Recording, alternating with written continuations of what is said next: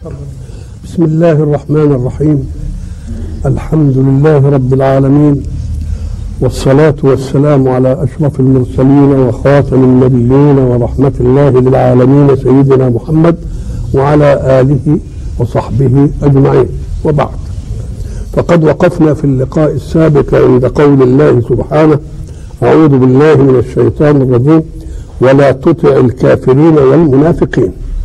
وقلنا أن الحق سبحانه وتعالى صنع في النفس الايمانيه مناعة ذاتية تسول له نفسها المعصية ثم يؤوب إلى ربه فيندم.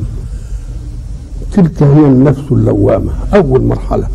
وبعد ذلك قد تستشري في المعصية فتكون نفسا أمارة. لكن المجتمع هو الذي يعدل هذه النفس الأمارة ويذل. فإذا فسد المجتمع أيضا لا بد من رسالة جديدة بمعجزة جديدة لتوقظ الناس إيقاظا قسريا إلى منهج الله في السماء. قلنا إن الحق سبحانه وتعالى حينما أعطى للأمة خيرية علل الخيرية بأنها تأمر بالمعروف وتنهى عن المنكر. وقلنا إن الله ضمن لأمة محمد أن لا تخلو من هذه الطائفة. التي تأمر بمعروف وتنهى عن منكر ولكن للأمر بالمعروف وللنهي عن المنكر مراحل حددها رسول الله صلى الله عليه وسلم في الاستطاعة وعدم الاستطاعة. فقلنا يستطيع مع من له ولاية أن يغير بيده ويستطيع من له إقناع بالأسلوب الجميل الحلو أن يقنع. فإذا لم يستطع يبقى في مرحلة ثالثة إيه المرحلة الثالثه فبقلبه أي فليغير المنكر بإيه؟ بقلبه. الناس تفهم أن تغيير المنكر بالقلب أن تقول اللهم إن هذا منكر لا لا يرضيك تقول أنت غيرت بلسانك. ده هو عايز تغيير بإيه؟ بقلبك. ما تقولش كلمة من تخرج من أفواههم. إحنا عايزينها من هنا. طب وإزاي بقى نغير بالقلب؟ أم قال لك أن يكون قالبك اللي هو المد ده في حركته تابع تابع لما تعتقده في قلبك. هذا التغيير بالقلب. إزاي؟ أم قال لك واحد في المعصية وشرد فيها واستشرى. وما أنتش قادر عليه. لا بإيدك في استطاعتك ولا بلسانك بيسمع لك أو بتقدر عليه. تقوم تغير بقلبك. ودي حتة مش عايزة منك مشقة. أدي معنى كلمة أضعف الإيمان. لأن دي حاجة ما تتطلبش. اللي بتغير بإيدك بتضرب وبتعمل. اللي بتغير بلسانك بتقعد تنصح وتنبح قلبك. دي مش عايزة منك حاجة ابدا. إيه هي؟ أم قال لك أن تكون سلبيا بالنسبة له. ويكون القلب القالب بتاعك تابع لقلبك. مش أنت كاره عمل وعمل منكر؟ إياك أن تجامله. إياك أن تعزيه إن أو تهنئه إن. أو تأخذ بيده إن اعزله عن مجتمعك. هذا هو التغيير بالقلب. فإذا عزلته عن مجتمعك سقط وحده. الله. النبي حينما هل النبي وضع عمل صنع سجنا للمسلمين؟ ما صنعش. امال عمل إيه؟ القوانين تسجن المجرم عن المجتمع ولكن رسول الله سجن المجتمع عن المجرم. قال له اوعى تكلمه اوعى تتعامل وياه. حتى دخل في بيته وقال لمراته اوعى تخليه يجي جنبك. الله يبقى سجد وهو يجي مثلا لما يجي كعب بن مالك يحدثنا يقول إيه وبعدين تصورت الحديقة على ابن عم لي وقلت أتعلم أني أحب رسول الله فلم يرد علي. أتعلم أني أحب رسول الله؟ قال لا أعرف. ابن عمه. وبيته حتى الست الكبيرة قالت له يا رسول الله ده فلان ده اللي انت قلت انقطعه ليس له إلا كهدبة الثوب. يعني ما عندوش إيه؟ قال لك معلش اخدميه ولكن لا يقربك. شوف الأوامر. يبقى مش سجن المجرم عن المجتمع؟ ده سمع سجن المجتمع عن المجرم. سجن المجتمع عن المجرم. يبقى المجتمع هو اللي حامل المجتمع اللي انت شايفه ده كله هو اللي حامل اسم الجريمة اللي البلد عايشة فيها الآن. ليه؟ أتظنون أن منزلا من المنازل لا يعلم لا يعلم من الإرهابية فيه؟ بقى المنزل اللي, اللي ساكن فيه ما يعرفش إن ده إرهابي؟ الشارع ما يعرفش؟ الحي ما يعرفش؟ التجار اللي بيعاملهم ما يعرفوش؟ هل واحد منهم ذهب إلي وقال له أعطني؟ فقال له ما عنديش. هل واحد سلم عليه فقال لا أسلم عليك؟ لا. ده, ده الدليل لازم الناس دي عارفة وعمالة متسترة. يبقى المجتمع إرهابي أكثر من الإرهابيين. إنما كل واحد ما هوش عايز يضر ينصحه. يقول له يا شيخ مت يا شيخ مش كده انصحه. ولذلك إن أحسن النصح إيه؟ أو أحسن مقابلة الجريمة إيه؟ قبل ما تتكلم عن المجرم اتكلم معه. آه. اللي أنت شايفه شاد كده تقول له تعالى يا أخي. أنا مش قادر افضحك وعارف إنك بتعمل كذا وبتعمل كذا وبتعمل كذا وأنا ما يخلصنيش. مجتمع يبقى بالشكل ده ولا يخلصنيش إن أعرفك ولا يخلصني إن أنا اقاطعك ولا يخلص. قبل ما تتكلم عن واحد لازم تتكلم معاه. ولذلك شوف الرسول أحسن كلمة قالها عند سلطان جائر. مش كلمة على سلطان جائر ونقعد بقى نشنع ونقول لك إيه ونعمل لنا هيصه وبتاع لا وروح وابن الأول.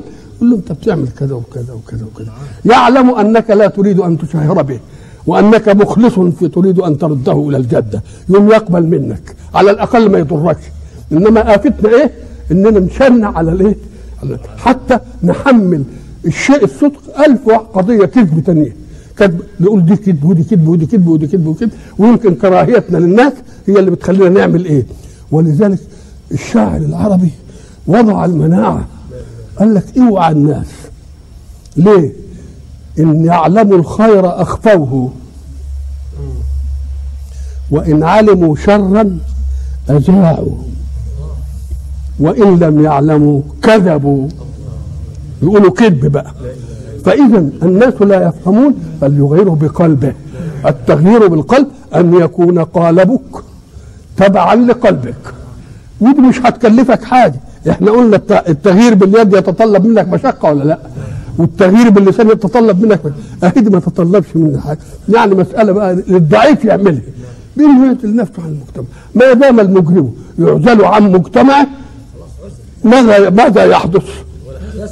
كل حاجة تنتهي. ليه؟ اللي بيخلي الإجرام يستشري في أي أمة أن الذي يجرم يخافه الضعاف فيتملكونه. ويتوددون إليه. عشان شره ما يسيبهمش يوم هو يلاقي لما بقى مجرم وبيعرف يضرب نار وبيعرف يعمل مش عارف الناس خافت منه من يستشري في الجريمة ولا لا؟ لا ما تعملوش كده. اعزله عن حياتك. ساعة ما تعزله عن حياتك يسقط وحده. ولذلك السبب في إن جريمة دية القتل الخطأ. على مين؟ ده مش على الجاني. ده على العاقلة على عيلته. ليه على عيلته؟ قال لك لأن لما أكون في عيلة كده وأشوف إن واحد هيستشري في جريمة اضربني على إيده لأن لما يعمل حاجة اللي هغرم تعالى يا ابني الله يبقى يبقى المجتمع يتولي ولا لأ؟ يبقى اذا المجتمع اللي إحنا عايشين فيه لابد أن يراجع نفسه ولا بد ان أن يراجع فهمه في قوله فليغيره بقلبه. يبقى لازم يعرف تغيير بالقلب ده ما تستمرش التغيير بالقلب ده ما يستمرش أسبوع وتلتفت كله مفهوم الكلام؟ آه. الذين يصادمون منهج الله. الله يريد الخير لخلقه ويريد الخير بخير لا ينتفع هو به. هو صاحب الخير. إحنا قلنا عبادتنا كلنا على قلب رجل واحد مش هتزيد في ملك الله شيء. ليه؟ ما زادش في ملك الله حاجة بمجرد ما خلق الخلق ابدا. طيب يبقى هو لما بيامرني بالخير لا يعود عليه. أدي واحدة. ثانيا أنه يعلم ما يصلح. أدي تاني ليه؟ لأن إحنا قلنا زمان أن صانع الآلة من البشر قبل أن يصنعها حدد مهمتها. شاف الست بتقعد على الطشت كده وتتعب في دعك الواسع اول اخره وكم فم وكم مش عارف إيه. قال بدنا نريح الست دي. وبدل هي ما بتحرك ما هو معنا تحريك كده يعني إيه؟ عايزين نخلي السائل اللي فيه الصابون يتغلغل في القماش. يوم هو بيتغلغل ليه طلع الوساخة. قال ما طب أنا خلي الحركة دي تنعمل آلية بحديدة كده تقعد ونريح الست دي. يبقى قبل ما يعمل الغسالة عمل إيه؟ حدد غايتها. طب الغساله دي هتركب على مواقف على قد إيه يعني الفولت اللي بيقولوا بيه فولت كذا أو فولت كذا أو فولت كذا.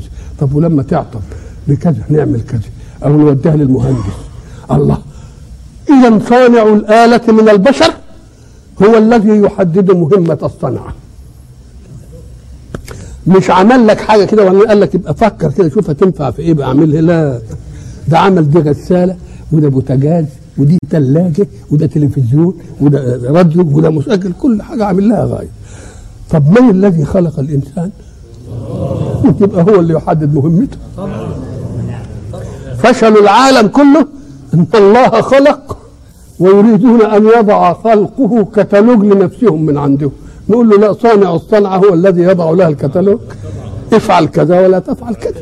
يبقى أول خيبة إيه؟ إن إحنا بنحدد مهمتنا. نقول له انت ما انت الصانع.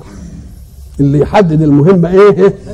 الصانع. ولذلك قبل ما يحدد المهم قبل ما يخلقك يحدد مهمتك. اقرأ إن شئت قول الله. أعوذ بالله من الشيطان الرجيم. بسم الله الرحمن الرحيم. الرحمن. خلاص؟ علم القرآن. خلق الإنسان علمه البيان. يبقى قبل كده جاب القرآن والمنهج قبل ما يخلقك. حدد لك المهمة قبل ما يخلق. كما يصنع الصانع الآن. يحدد المهمة قبل أن إيه؟ وبعدين إذا حصل عطب في الآلة بتوديها لمين؟ للصانع؟ للمهندس اللي دارسها قال له النبي قال فردوه إلى الله. إن تنازعتم في شيء فردوه إلى الله. يبقى الله يحدد المهمه لأنه هو الذي خلق. ويحدد قانون الصيانة. تفعل ولا تفعل لأنه هو الذي صنع وألا يعلم من خلق. يبقى الغلط إيه اولا؟ من المجتمع البشري أنه يريد أن يحدد مهمة الإنسان مع أنه لم يخلقه. ادي واحدة. ثانيا إنه لما بيفسد المجتمع عايز يعمل له قوانين إصلاحية من عنده. وهل الله تركك أيها الإنسان بدون كتالوج؟ ده كان عامل لك منهج. والمنهج ده إذا النبي عليه الصلاة والسلام كان لما تعز عليه شيء يروح للصانع إذا حزبه أمر قام إلى الصلاة. حزبه يعني أمر خرج عن أسبابه. يروح لمين؟ يقف أمام الخالق. زي ما تودي الصنعة للإيه؟ للمهندس. يقول يقول لك ده حاجة بس ده فلوس بتاع قد كده. ده سلكه مش عارف إيه. والمهندس بيجيبها مادية ولا مش مادية؟ قال لك لأن المهندس مادي. فبيصلح ماديا. يجيب سلكة يجيب فيوز يجيب مش عارف كده. لكن الله غيب فيصلح غيبا. تروح عند ربنا كده وتقف قدامه كده. هو ما تعرفش ربنا عمل فيك إيه. تطلع من شارع تطلع مش عارف إيه تطلع شكل اذا فالله سبحانه وتعالى هو الذي خلق وهو الذي حدد مهمة الإنسان وهو الذي وضع له قانون إيه؟ صيانته. أناس ينتفعون بالفساد. ينتفعون بالفساد. لأن معنى الفساد إيه؟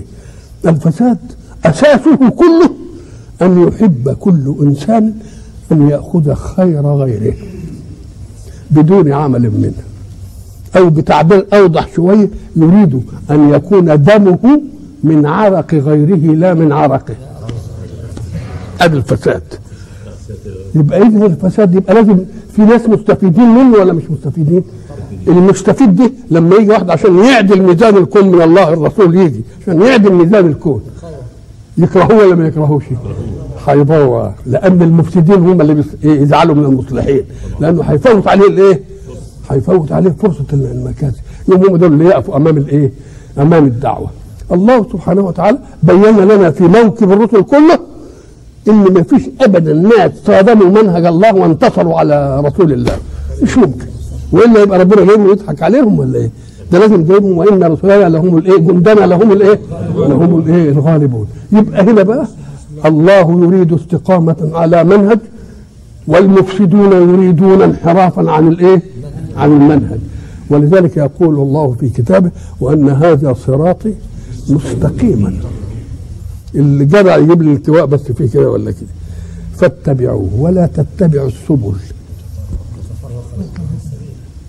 ما هو صراط واحد؟ ما قالش ما تتبعش الصراط المخالف. قال لك ده سبل متعددة. ده كل واحد بقى له سبيل إيه؟ سبيل فساد. فما تتخيلش ولذلك النبي خط خط مستقيم كده قال هذا إيه؟ صراط الله وما عمل شوية خطوط كده قال دي منتبه وأن هذا صراطي مستقيما فاتبعوه ولا تتبعوا الإيه؟ السبل. تعال بقى أنت كمهندس. وخطط من بلد إلى بلد. وخد الطريق كده مستقيم. وشوف الطرق التانية اللي تودي للبلد دي تلف قد إيه. إن جت في البداية وانحرفت سنتي واحد على ما تروح للبلد التانية تلاقيها كيلومترات. تلاقيها إيه؟ يبقى السبل هتعمل إيه؟ هتوسع عليك المسافة. ده ده الكلام ده إن وصلت. يبقى فيه إيه؟ يبقى لكن الصراط إيه؟ ولذلك يقولوا. الهندسة اللي اتعلمناها الخط المستقيم. أكثر نقطة أكثر إيه؟ طريق بين إيه؟ بين نقطتين. ما تلفش لا كده ولا كده. ولذلك إيه؟ تعالى لي دغري. مش إحنا بنقول لبعض كده؟ تعالى دغري كده. هات من الآخر وتعالى دغري ولا تلفش لا كده ولا كده. مش ده اللي بيحصل؟ آه هو ربنا بيقول كده. وأن هذا صراطي إيه؟ مستقيم. فاتبعوه ولا تتبعوا الإيه؟ السبل. كل واحد له في الفساد غاية. واحد فساده في المرأة واحد فساده في المال واحد فساده في الجاه واحد فساده في أن الناس تقعد تكبره كده وتعمله مش عارف إيه. كل واحد له إيه؟ كل واحد له فساد. إنما طريق ربنا إيه؟ ربنا طريقه إيه؟ واحد. فلما يجي بقى ربنا بيدعو إلى الخير والناس المستفيدين من الفساد يعملوا إيه؟ يقفوا يصدموا بقى. فالله يقول للرسول أول مراتب التقوى أن تتقي الله وحده وأن لا تطيع الكافرين والمنافقين لأن دول عايزين يلووك على طريقهم. والله يريدك للخير وهؤلاء يريدونك للإيه؟ للشر. طبعا الأول لا تطع الكافرين والمنافقين. يبقى معناه انني اطيع غير الكافرين والمنافقين. غيرهم اطيعهم إيه؟ واحد عنده مشورة كويسة. خذوا فيها. ما دام ليس لله فيها أمر. هو ابن المنذر قال إيه؟ لما جم في بدر. لما جم ينزلوا في مكان والماء بعيد كده. قال له لا هذا منزل أنزلكه الله. إن كان منزل أنزلكه الله يبقى له علم فوق علمنا بقى. ما نتكلمش. ولذلك يقول لك لا اجتهاد مع النص. خلاص؟ أم هو الحرب والمكيدة؟ النبي قال له الحرب والمكيدة. قال له لا إحنا نعمل كده ونفعل كده ونخليهم كده على فين نعمل له سمع كلامه ولا لا؟ سلمان الفارسي قال له إحنا كنا في أمة لما نعمل الناس يهاجمونا نقوم نخندق حوالينا. يبقى لما حين يقول الله لا تطع الكافرين والمنافقين فتح الباب لأن يطيع المؤمنين المشيرين بالنصح وبالخير. نعم. بس خد بالك بقى. في الوالي مش هيعرف كل حاجة. الوالي ما بيعملش إلا لأنه يرقب من يعمل. هذه مهمة الوالي. إنما ما يعملش هو. يرقب إيه؟ من يعمل؟ كله متتبع لكل واحد. كان فيه واحد له ضيعة في الشرقية من الأمراء بتوع زمان. وبعدين راح يزورها فركبوه المطية وقعد يمشي في الزرعة. قام لقى قناة فيها ماء. والقناة اللي فيها الماء دي انكسرت أو انفتحت على أرض مروية. فملتها إيه؟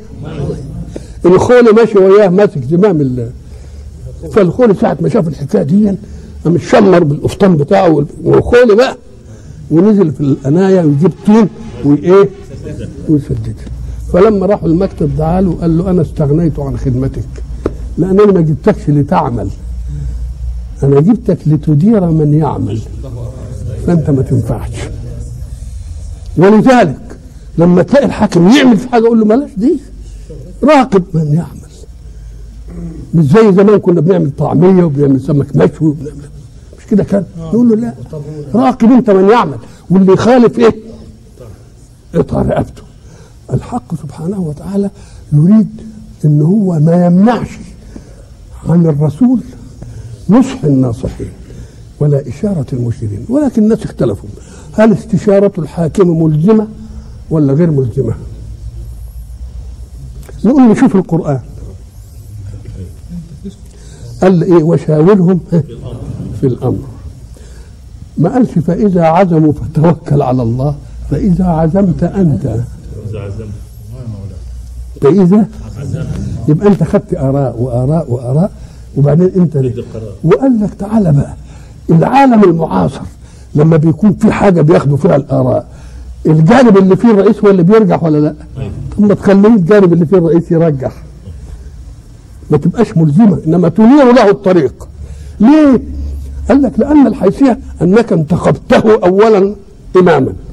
فحيثية انتخابه إمام تشهد له بأن له تفوق. وما دام له تفوق يبقى هو اللي يرجح وهو اللي إيه؟ هو اللي اللي يرجح الايه؟ الكلام لكن هناك فرق بين مشوره وبين تفويض في عمل.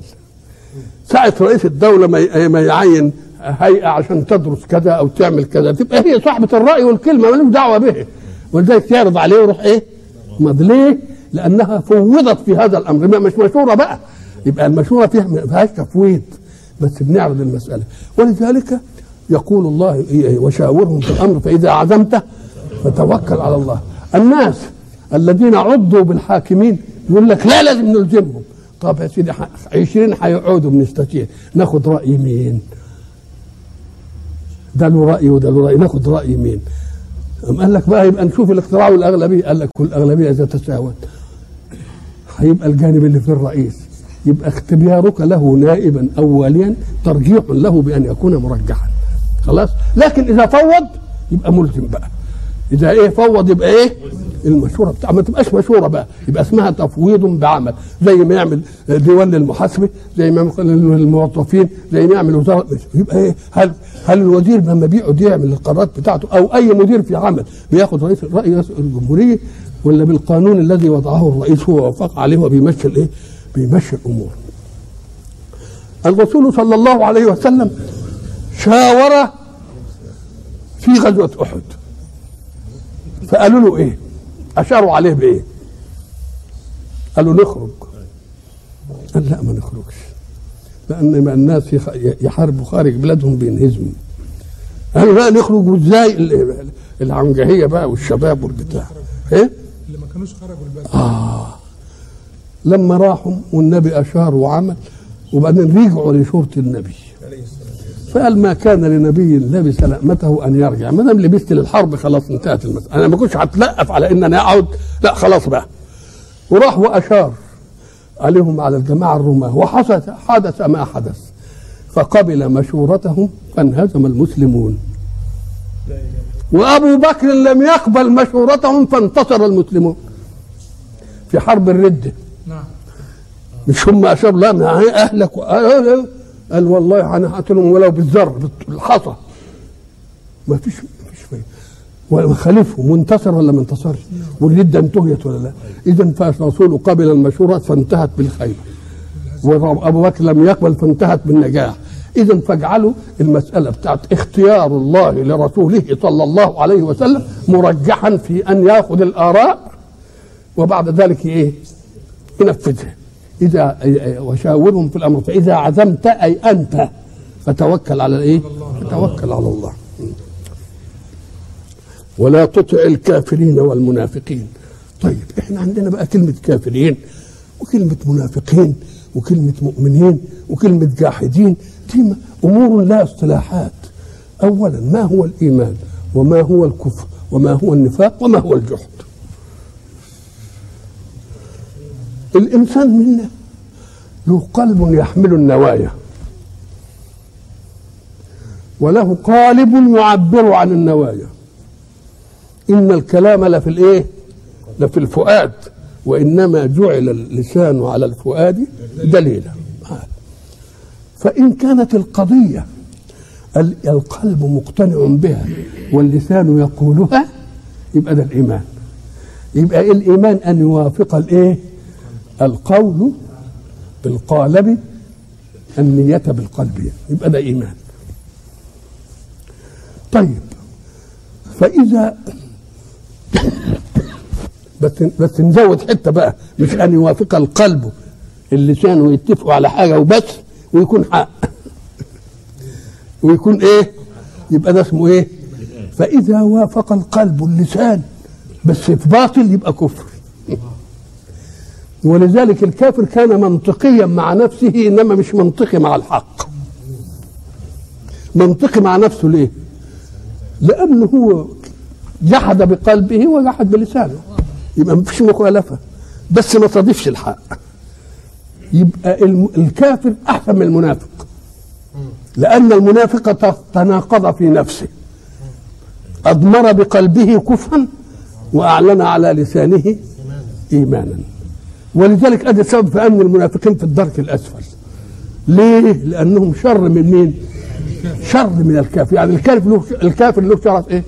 ولذلك حينما طلب رسول الله من القوم أن يقولوا لا إله إلا الله وأن يعبدوه وحده إن كانوا فاهمين إنها كلمة تتقال كانوا قالوها وانفضوا إنما هم عارفين مطلوب الكلمة إيه ولذلك ما قالوهاش يبقى عدم قولها دليل على فهمها ولا مش دليل. على انهم فاهمين لا اله الا الله. ما فيش متصرف ولا آمر ولا نهي إلا مين؟ ما فيش كله الله. يبقى ما يردوش يقولها لأنهم فاهمينها. لأنهم إيه؟ فاهمينها. المنافق غير كده متناقض. قال بلسانه وإيه؟ وقلبه مش ويانا. طب والجاحد إيه؟ قال لك الجاحد هو مقت- مقتنع بنفسه إنما مش قادر يقول الكلمة. مقتنع يبقى ضد الإيه؟ ضد المنافق. ضد يبقى عندنا دلوقتي إيه؟ مؤمن.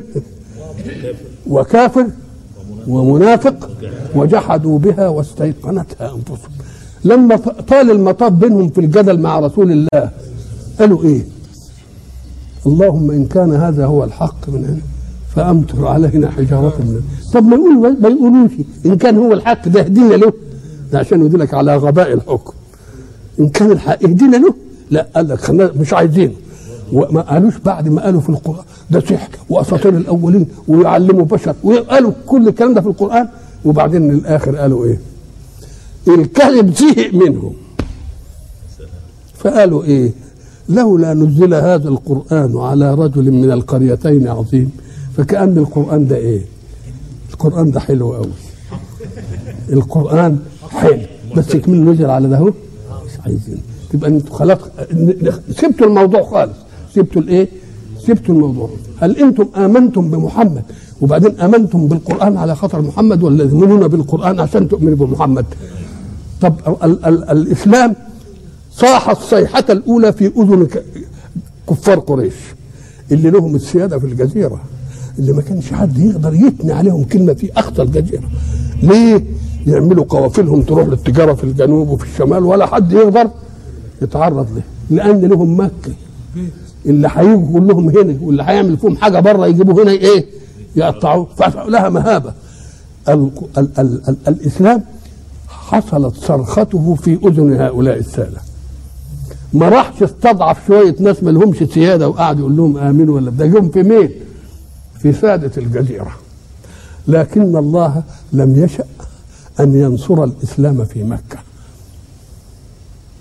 لأنه لو انتصر الإسلام في مكة يمكن يقال قوم من قريش تعصبوا لواحد منهم ليسودوا به العالم زي ما سادوا الجزيرة. مش كده؟ ولذلك قالوا كنت عايز ملك ملكناك بس سيبنا من الحكاية دي. مش قالوا كده؟ وإن كنت عايز وإن كنت عايز وكنت عايز. ولا قال الشمس والقمر اللي قالوا الكلام اللي اللي قالوا ده. الله. فلا شاء الله. أن تكون الصرخة المزلزلة الأولى في أذن السادة الكبار. اللي ما حدش يقدر يثني عليهم كلمة. ولكن نصرة الدين وانطلاق الدين لم يكن في مكة وإنما جاء فين؟ في المدينة. إحنا قلنا زمان لتعلم الدنيا كلها أن الإيمان بمحمد هو الذي خلق العصبية لمحمد وليست العصبية مح- بمحمد هي التي خلقت الإيمان بمحمد. يبقى إذا لازم يجي من حتة تانية. من إيه؟ من حتة تانية. ولا تطع الكافرين والمنافقين. بس وال... وال... طب غيرهم. لا غيرهم ما يكونش له أمر يطاع. هو المؤمن يبقى له أمر الرسول له قال له اعمل كذا ما يمكنش. ده ليه؟ لأنه بيتلقى الاوامر من مين؟ ولذلك من الخطأ يقول لك يا أخي النبي عمل كذا وعمل وعمل كذا. دي ما كانش صح. يقول له يا سلام أنت عملت نفسك الميزان على محمد بن عبد الله. ده الأصل في محمد أنه الميزان. تقول إزاي عمل الكلام؟ يقول لك إزاي عدد تسعة؟ وإزاي مش عارف الجوز مش عارف إيه؟ الله أنت اللي بتحاكمه. طب إيه رأيك بقى؟ هو عمل كده وربنا ما, ما نزعوش من الرسالة وأقاله. ما أقالوش. يبقى ربنا راضيها وعاملها ولا لأ؟ يبقى رب. ما تعملش نفسك انت مقياس على مين لأن الأصل إن هو الإيه؟ تبقى تسأل فعل أو لم يفعل. ولذلك كان أبو بكر صديق عشان كده. قالوا له إن صاحبك يحدثنا أنه أتى مش عارف بيت المقدس قال إن كان قال فقد صدق. تبقى هي دي الإيه؟ يبقى أنا ما أعملش حكم عندي. وبعدين أقول إزاي النبي يخالف الحكاية دي؟ إزاي يعني يحصل منه قال ولا تطع الكافرين والمنافقين وما دام لا تطع الكافرين والمنافقين؟ يبقى يطع غيرهم. إذا كانت مشوره ليس فيها نص من الله. خلاص إن الله كان عليما حكيما. العلم غير الحكمة. العلم أن تعلم القضايا. إنما الحكمة أن توظف القضايا في أماكنها. يبقى عايزين علم وإيه؟ عايزين علم وحكمة. ولذلك هناك إن خير من استأجرت الإيه؟ قوي آمين. يمكن قوي وخاين تبقى قوته لنفسه. خلاص. يمكن قوي يمكن آمين إنما ضعيف. ولذلك لما واحد بيشير واحد بيقول له أنا أنا في بتوع العراق دول تعبان وياهم يا أمير المؤمنين. ده أمير المؤمنين اللي بيقول. قال له إيه؟ قال له لما استعملت عليهم القوي يفجروه. يقولوا ده فاجر وابنك. واستعملت عليهم الضعيف. يعني يركبوه. قال له ما أقول لك أنا استعمل عليهم القوي فلك قوته وعليه فجوره. قال له والله ما والله ما دام فهمتها ما يروح إلا أنت. آه. إن الله كان عليما ومع العلم إيه؟ ومع العلم حكمة تضع الشيء في موضعه. يبقى إذا العلم يعطيك قضايا الخير كلها لكن الحكمة أن تضع كل قضية في إيه؟ في مكانها. واتبع ما يوحى إليك. قال له بقى في أمر لا تطع. ليه؟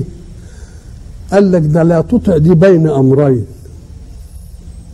الأمر الأول اتق الله والأمر الثاني واتبع ما يوحى اليه وبينهما إيه؟ ولا تطع. يبقى فيه نهي بين إيه؟ بين أمرين. قال لك لأن ما يمكنش إلا كده. لأنك إذا اتقيت الله هتقول منهج الحق. ومنهج الحق ده هيأذي مين؟ المستفيدين من الفساد والباطل. يوم هيجوا بقى يجنوا على ودنك. تقول أنت تعمل إيه؟ ترد نفسك إلى إيه؟ أن تتبع إيه؟ ما يوحى إليك. واتبع ما يوحى إليك من ربك. إحنا قلنا زمان ما يوحى الوحي إعلام بخفاء. يعني إن قلت لواحد كلام واضح كده ما يبقاش وحي لكن مثلا آه غمست له كده بعينك. آه عملت له كده شاور يعني هات للناس دي تحية. آه عملت له شاور يعني عايزين الناس دول ينصرفوا. من غير ما تتكلم.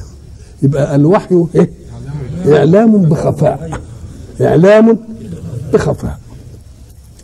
وما دام إعلام بخفاء لله فيه وسائل كثيرة جدا.